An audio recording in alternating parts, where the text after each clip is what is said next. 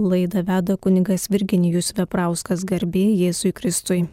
Ir panelė švenčiausiai taipogi, malonus Marijos radio klausytojai, girdima laida aktualieji bažnytinės teisės klausimai. O mes einame prie savo laidos, e, nepabaigėme nagrinėtis 1183 kanono. Dar kartą jį perskaitysime, nes turi tris paragrafus apie tuos, kuriems turi būti suteiktos ar atsakytos bažnytinės laidotuvės. Pirmasis paragrafas. Laidotuvių atžvilgių katechumenai turi būti priskirti Kristaus tikintiesiems. Antrasis vietos ordinaras gali leisti, kad vaikams, kuriuos tėvai ketino pakrikštyti ir kurie mirė prieš krikštą būtų suteiktos bažnytinės laidotuvės. Trečiasis paragrafas - pakrikštytiesiems, kurie priklauso kitai nekatalikiškai bažnyčiai ar bažnytiniai bendruomeniai, išmintingų vietos ordinaro sprendimu gali būti suteiktos bažnytinės laidotuvės, jei nėra žinoma apie jų priešingą valią. Ir tik tada, jei negali dalyvauti savas tarnautojas. Tuoj pradėsim atsakymą, bet dabar mums paskambino, prašom. Klausytojas Vytautas. Klausom jūsų. Aš e, norėčiau paklausyti gerbimą kunigą. Aš čia. Kodėl tokia, sakyčiau, senovinė viduramžių e, lietuvių kalba yra liturginėse valandų maldose. Paklauskite. E, Vytautai, dabar matot, mes šitoje programoje neišsiaiškinsime, kodėl tokia. Jūs gal mums pavyzdį, pavyzdžiui, jūsų supratimu gal yra koksai pavyzdys, kodėl yra arhaiška lietuvių kalba. Nu tai arhaišką aš gerbiu ir, ir Taip. mes visi turim gerbti. Bet ar nereikėtų tą arhainę kalbą pervesti į dabartinę kalbą? E, Kuri vieta jums kliūva? E, labai daug vietų ten kartoja tą patį po keliais žodžius sakinyje. Aš dabar tiek staigiai senis, negaliu prisiminti jums pavyzdį, bet e, kalba yra labai prasta. Nu, ne, negali sakyti prasta, ji gerai jūs pasakėte, arhaiška yra kalba. Bet ar, ar tais arhaiškos kalbos, pavyzdžiui, šventi raštai tų dar senesnių laikų pervedami į lietuvių kalbą? Ačiū. Ačiū ponas Vytautai už jūsų išsakytas mintis. E, Kiekviena karta, kiekvieni, na galbūt, reiškia, vyskupų konferencijos nutarimai vis e, ver, vertimus daro į šiuolaikinę kalbą. E, Ne per seniausiai mes tik tai turime išverstą visą šventąjį raštą.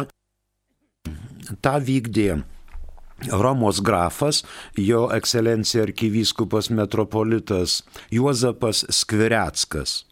Gal 1912 metais jis pilną šventą raštą išvertė. E, Prie tai, prieš tai buvo ten Bretkūno vertimai ir taip toliau ir taip toliau. Bet pašvi, patvirtintas su primatur vertimas švento rašto atsirado ne taip jau ir seniai. Po to žinoma buvo kiti vertimai.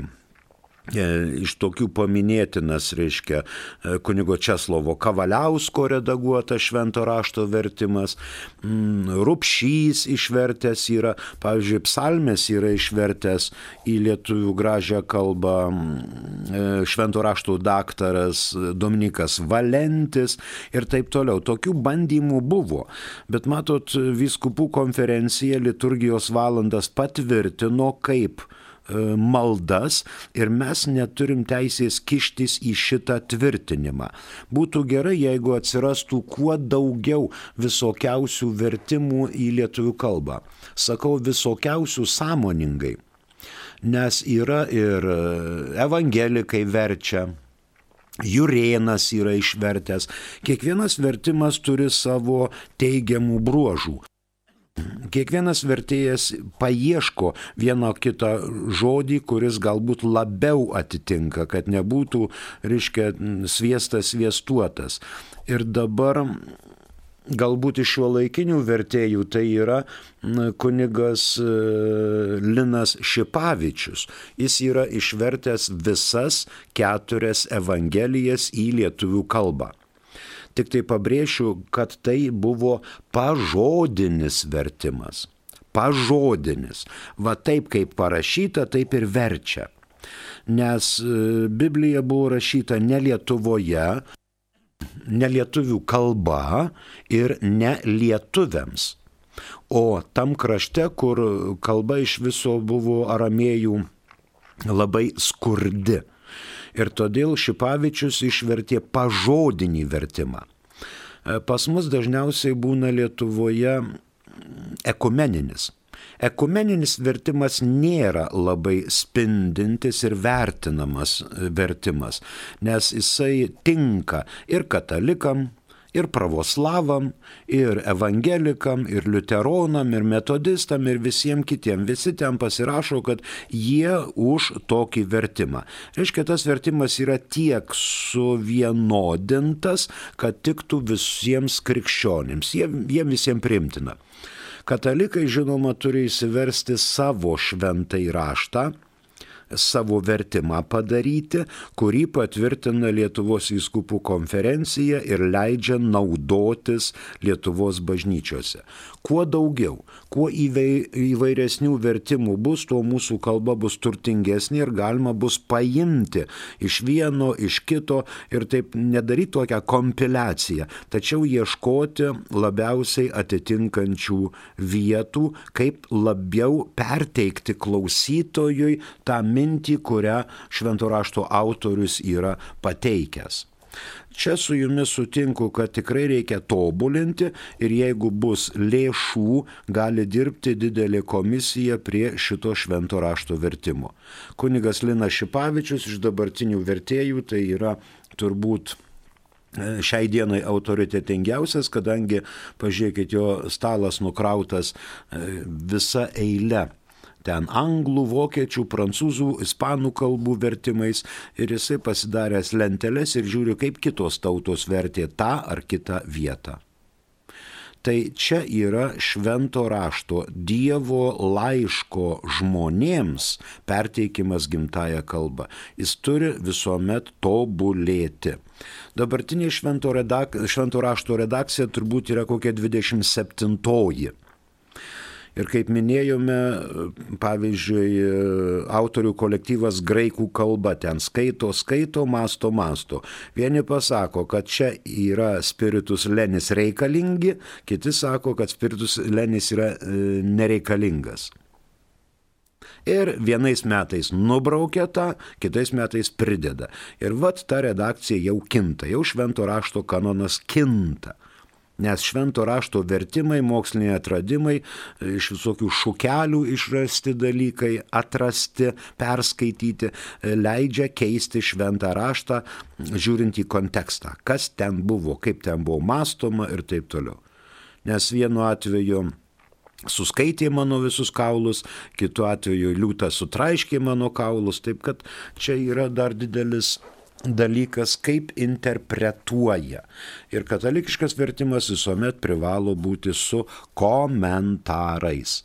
O jeigu jūs turite tą tokį senąją lietuvių kalbą ir jums labai nepatinka, jūs pasibraukykit ir Lietuvos liturginiai komisijai pasiūskite jūsų atrastą tekstą, kuris yra neteisingai parašytas ir parodykite, kuo jūs remetės kokiu šaltiniu jūs remetės ir manote, kad tas tekstas turėtų būti kitoks, arba tas žodis būtų kitoks, arba mm, žodžių seka sakinyje turėtų būti kitokia. Jūs e, turite, kaip sakot, Vytautai, ponas Vytautai, laiko, jūs padirbėkit su tais dalykais. Ir ateis laikas, kai jūsų paprašys išvalgų. Ačiū. E, mus pasiekė esame žinutė, prašom. Janina klausia, dėl bažnytinės santokos norėjau paklausti, jeigu sutuoktinių pora sudariusi bažnytinę santoką, bet jį iširo ir dabar gyvena su kita pusė be bažnyčios palaiminimo, tai paklydimas? Taip žinoma. Tai yra paklydimas, nes šie sutuoktiniai abu davę priesaiką e, bažnyčioje vienas kitam sužadėtinė sužadėtiniui ir sužadėtinis sužadėtiniai. Ir nuo tada jie tapo šeima. Šita priesaika jiems galioja. Šeima iširo. Dėl kokių priežasčių iširo? Jeigu šeima iširo dėl priežasties, kuri vadinasi mirtis, tai jeigu abu du, tai santoka abiem ir danguje galioja. Jeigu geroji sesė mirtis pasėmė vieną iš sutuoktinių, kitas sutuoktinius pačiu faktu jau tampa laisvas nuo santuokinių įsipareigojimų ir gali būti, kad ieško kito gyvenimo, kitos gyvenimo pusės. Ir randa. Ir tada laisvai gali tuoktis. Kitas dalykas, dėl kokių priežasčių iširo santuoka. Tam yra kiekvienoje vyskupijoje įsteigtas bažnytinis teismas, kuris priima ieškinius ir prašymą dėl santokos paskelbimo negaliojančią tarkim, nepakeliamas gyvenimo būdas, ar ten alkoholis, ar, ar kitos priklausomybės, lošimai, ar narkomanija, ar, ar reiškia neištikimybė pastovi sisteminga ir dar visokių priežasčių, tai šiaip savo santoka neišyra. Santuoka išyra dėl tam tikrų priežasčių. Tai suinteresuota pusė rašo bažnytiniam teismui prašymą kuriame įvardina, išdėsto argumentuotai ir motivuotai savo mintis ir prašo, kad bažnyčia paskelbtų šią santoką negaliojančią dėl tų ar kitų priežasčių. Ir bažnyčia svarsto. Tada pateikėte bažnyčiai bent tris liudininkus, kurie gali patvirtinti jūsų žodžius. Taip, taip, taip. Ne, ne, ne.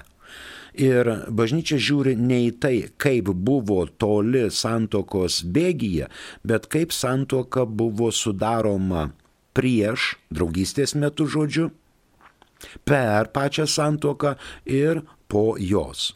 Nes bažnyčia ieško priežasčių, ar buvo santoka sudaryta galiojanti ir be kliūčių. Jeigu įrodomos kliūtys, arba įrodomas santokos negaliojimas, tada santoka ir yra skelbiama negaliojančia.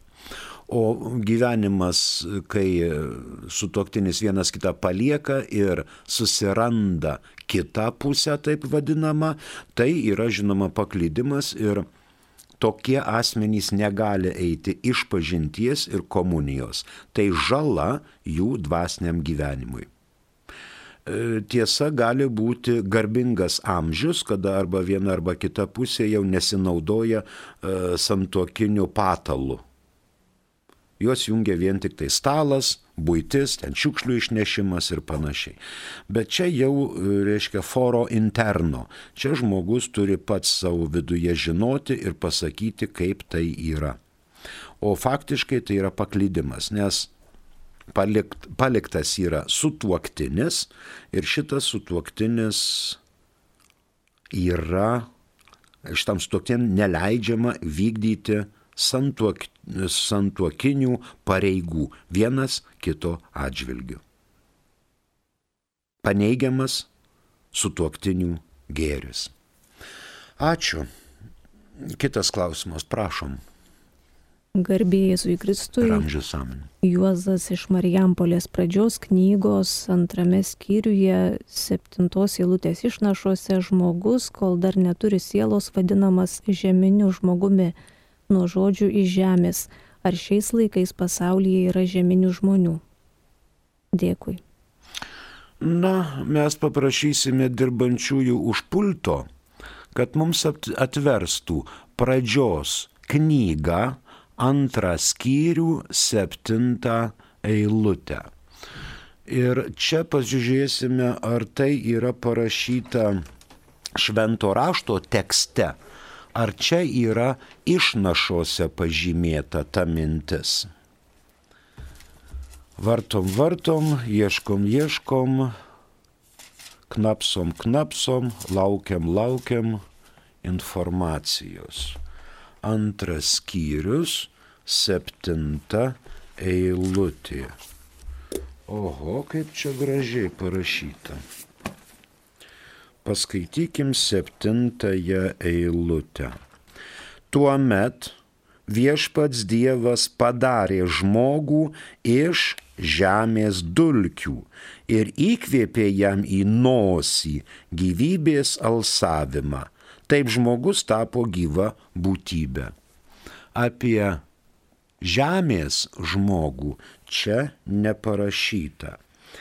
Nebent galim pasižiūrėti išnašuose. Na paklausykite, jeigu turit laiko. Dievas vaizduojamas puodžiumi lipdančių žmogaus kūną iš molio. Hebrajų kalboje žaidžiama žodžiais Adam - žmogus ir Adamach - žemė.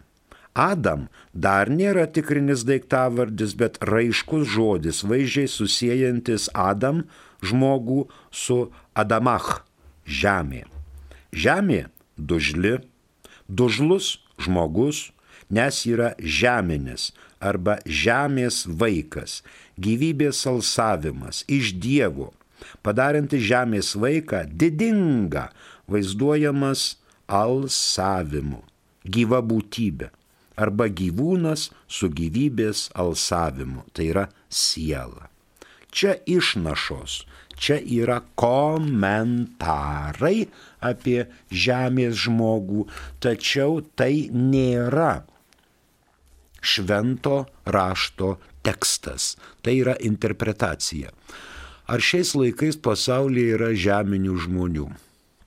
Šiais laikais nėra, kadangi tai buvo Adomas ir Jėva. Adomas tai yra paimtas iš žemės, iš šlyno, iš molio, iš dulkių. Na, va tai iš tokių. Ir kol jis buvo padarytas iš to, tai nebuvo gyvybės žmogus. Dievas įkvėpė jam gyvybę. Jau Augustinas ketvirtam amžiui e, laisvai manė, kad sako, galbūt Dievas ir nepadarė žmogaus, nenulipdė e, viens ir viskas, kaip pajūryje vaikutis kokią smėlio pilį. Dievas galėjo drąsiai pasinaudoti amebom, klumpelėm, moliuskais, gemalais, kurie lipo į krantą ir apsigyveno sausumoje, paskui dar kažkas, dar kažkas, dar kažkas. Ir kai šitas molio gabalas pasiekė kažkokį tai lygį, tada jam davė tam lygiui sielą ir protą. Ir tai tapo žmogumi. Čia Darvinas su savo hipoteze nėra tikrai naujokas. Darvinas turbūt kada čia 19 amžiuje jis tą sugalvojo ir patvirtino. O bažnyčia jau tvirtina nuo ketvirto amžiaus, kad Dievas galbūt ir neturėjo tikslo paimti plastelino gabalą ir nulipdyti žmogų. Tai yra evoliucija. Dievas kūrė pasaulį per šešias dienas. Žodis jom žydų kalboje reiškia ir dieną, ir laikotarpį. Kokį laikotarpį, neaišku. Milijonus metų. Bet tai yra laikotarpis. Bažnyčia žino, kad žodis jom reiškia ir dieną, ir laikotarpį. Nežiūrint to, visur šventam rašte rašoma ne laikotarpis, bet diena. Pamenat Čingizą Aitmatovą. Ilga kaip šimtmečiai diena ir ten relikvimumo teorija jau buvo žinoma žydų tautai, reiškia, kad yra nesuskaitoma dangaus žvaigždžių aibė. Egiptiečiai manė, kad tai suskaitoma kažkiek tai ten tūkstančių, kur matomos. O jau žydai žinojo iš švento rašto, kad dangaus žvaigždžių skaičius yra begalinis. Taip kaip ir pajūrio smėl, smiltys Pajūris yra didelis, smilčių ten begalinis skaičius, nesuskaičiuosi. Paimk saują, gali saują suskaičiuoti. O taip kiek yra smilčių pajūryje, vargu ar kas pasakytų tikslų skaičių. Taip kad čia yra interpretacija. Miela, miela bendrauti su jumis, girdite Marijos radio bangomis laidelę aktualieji bažnytinės teisės klausimai. Mums dar atėjo žinutė, prašau kokiu eksperimentu teologijos mokslas nustatė, kad Marija iš nekalto prasidėjimo ir paimta dangun su visų kūnu? Du klausimai vienoje vietoje. Teologija empirika nesivadovauja. Dėl to ir vadinasi teologija - mokslas apie Dievą. Dabar, kad Marija iš nekalto prasidėjimo, joks teologijos mokslas nepradeda nagrinėti ir nepradės nagrinėti. Marija yra iš Jokimo ir Onos pradėta ir gimusi. Visiškai natūraliu vyro ir moters suėjimu. Ji ne iš nekalto prasidėjimo. Tai viena jūsų klaida. O dabar mm, antra klaida. Kokiu eksperimentu teologijos mokslas nustatė, kad Marija paimta dangun su visų kūnu. Nei Kristaus iš numirusių prisikėlimas, nei Marijos dangun paėmimas nėra istorinis faktas. Tai yra religinis faktas, besiremiantis šventų raštu ir bažnyčios mokymu. Visuotiniai priimtas. Prieš porą tūkstančių metų dar nebuvo tų visų rengeno aparatų ar dar ko nors, e, buvo visuotinai tikima ir matyt, kad Marija su kūnu ir siela paimta į dangų. Tai ne per seniausiai buvo konstatuota šitas faktas tikėjimo dogma, nes tikėjimo dogma yra aukščiausia tiesos kategorija. Kai buvo apaštalai atėję aplankyti Marijos kapo, ten nerado kūno, rado vien tik tai kvepiančių žiedų pilną karstą jeigu taip galim pasakyti, arba kapą. Ir pradėjo tikėti, kad Marija negalėjo, jos žemiški palaikai negalėjo supūti karste ir buvo paimta į dangų su kūnu ir siela, nes ji yra ne tik Dievo gimdytoja, bet ir mūsų motina mūsų visų motina. Jis yra tik tai žmogus. Vien tik tai žmogus. O teologijos mokslas jokiais eksperimentais nenustatinėjo, ar tai buvo, ar tai nebuvo. Ta skelbia bažnyčia, besiremianti apaštalų tikėjimu.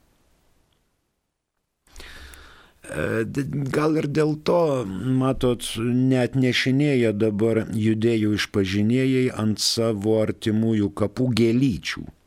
Nes gėlytės ten prie plus 40 staigiai nuvysta, ten valanda kita ir gaunasi e, šieno kupetėlė. Atneša akmenuką. O kai atidarytas buvo Marijos karstas, ten buvo žydinčių, kvepiančių gėlių, rožių, tarkim, gausybė. Tai buvo palaikyta stebuklų. Kvepiančios rožės. Marijos palaidojimo vietoje. Ačiū, Ale, kad klausimai jums jūs domina, taip sakant, aktualieji bažnytinės teisės.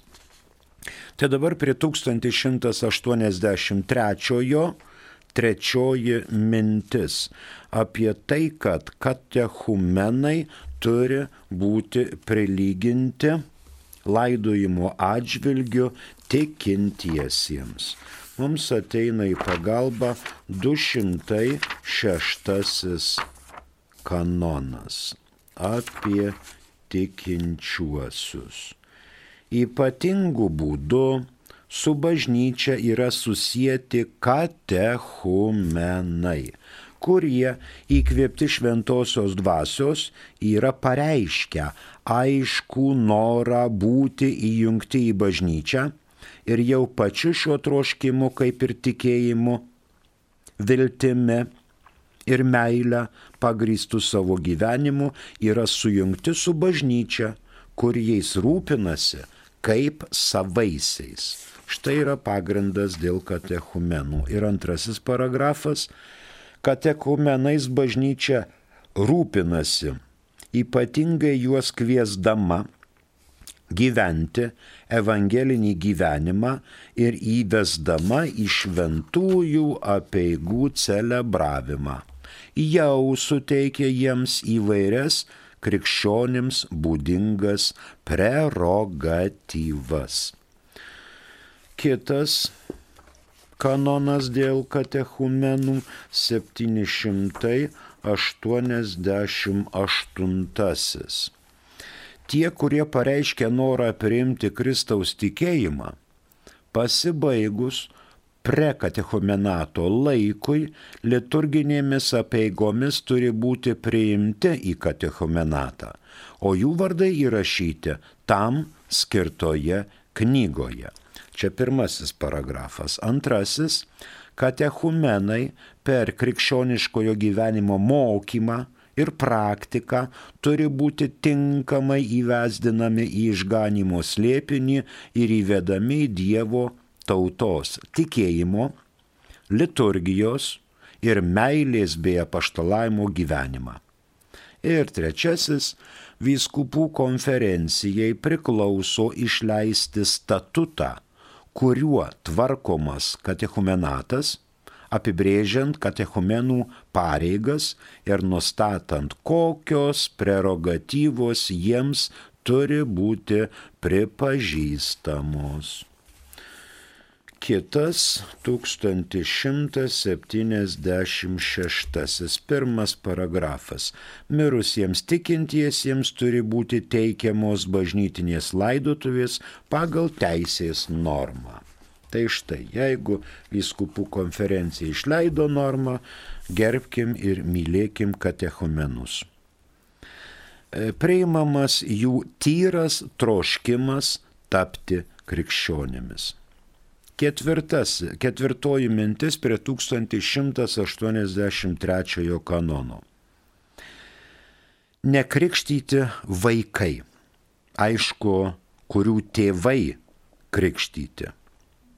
Reikia vietos ordinaro leidimo, norint juos pakrikštyti. Klebonas rašo depešą vyskupui, kad tėvai jau turi du, tris vaikus yra pakrikštyti, štai gimė naujagimis ir staiga netikėtai mirė, nespėtas pakrikštyti, leisk vyskupę laidoti šitą žmogų, šitą kūdikį, šitą mažutėlį katalikiškomis apeigomis. Ir vyskupas paprastai leidžia, bet popiežius įsakęs, kad norint laidoti tokį reikia gauti vietos ordinaro leidimą kitas 867 iliustruoja. Turi tėvai pareigą rūpintis, kad kūdikiai būtų pakrikštyti pirmosiomis savaitėmis, kuo greičiau po gimimo, ar net prieš jį turi nuvykti pas kleboną prašyti vaikui sakramento ir tinkamai jam pasirenkti. Jei kūdikis yra mirties pavojuje, turi būti pakrikštytas neatidėliojant. Jei kyla kokia nors abejonė tuo klausimu, aišku, kreipiasi kunigas į vyskupą ir vyskupo nurodymų privalu laikytis. Na, embrionų ir žmogaus palaikai. Pasižiūrėkime į 871 kanoną. Prieš laiką gimusieji jai yra gyvi. Kiek įmanoma turi būti krikštyjami.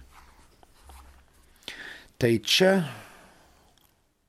na žinot, jei yra gyvi, kiek įmanoma turi būti krikštyjami.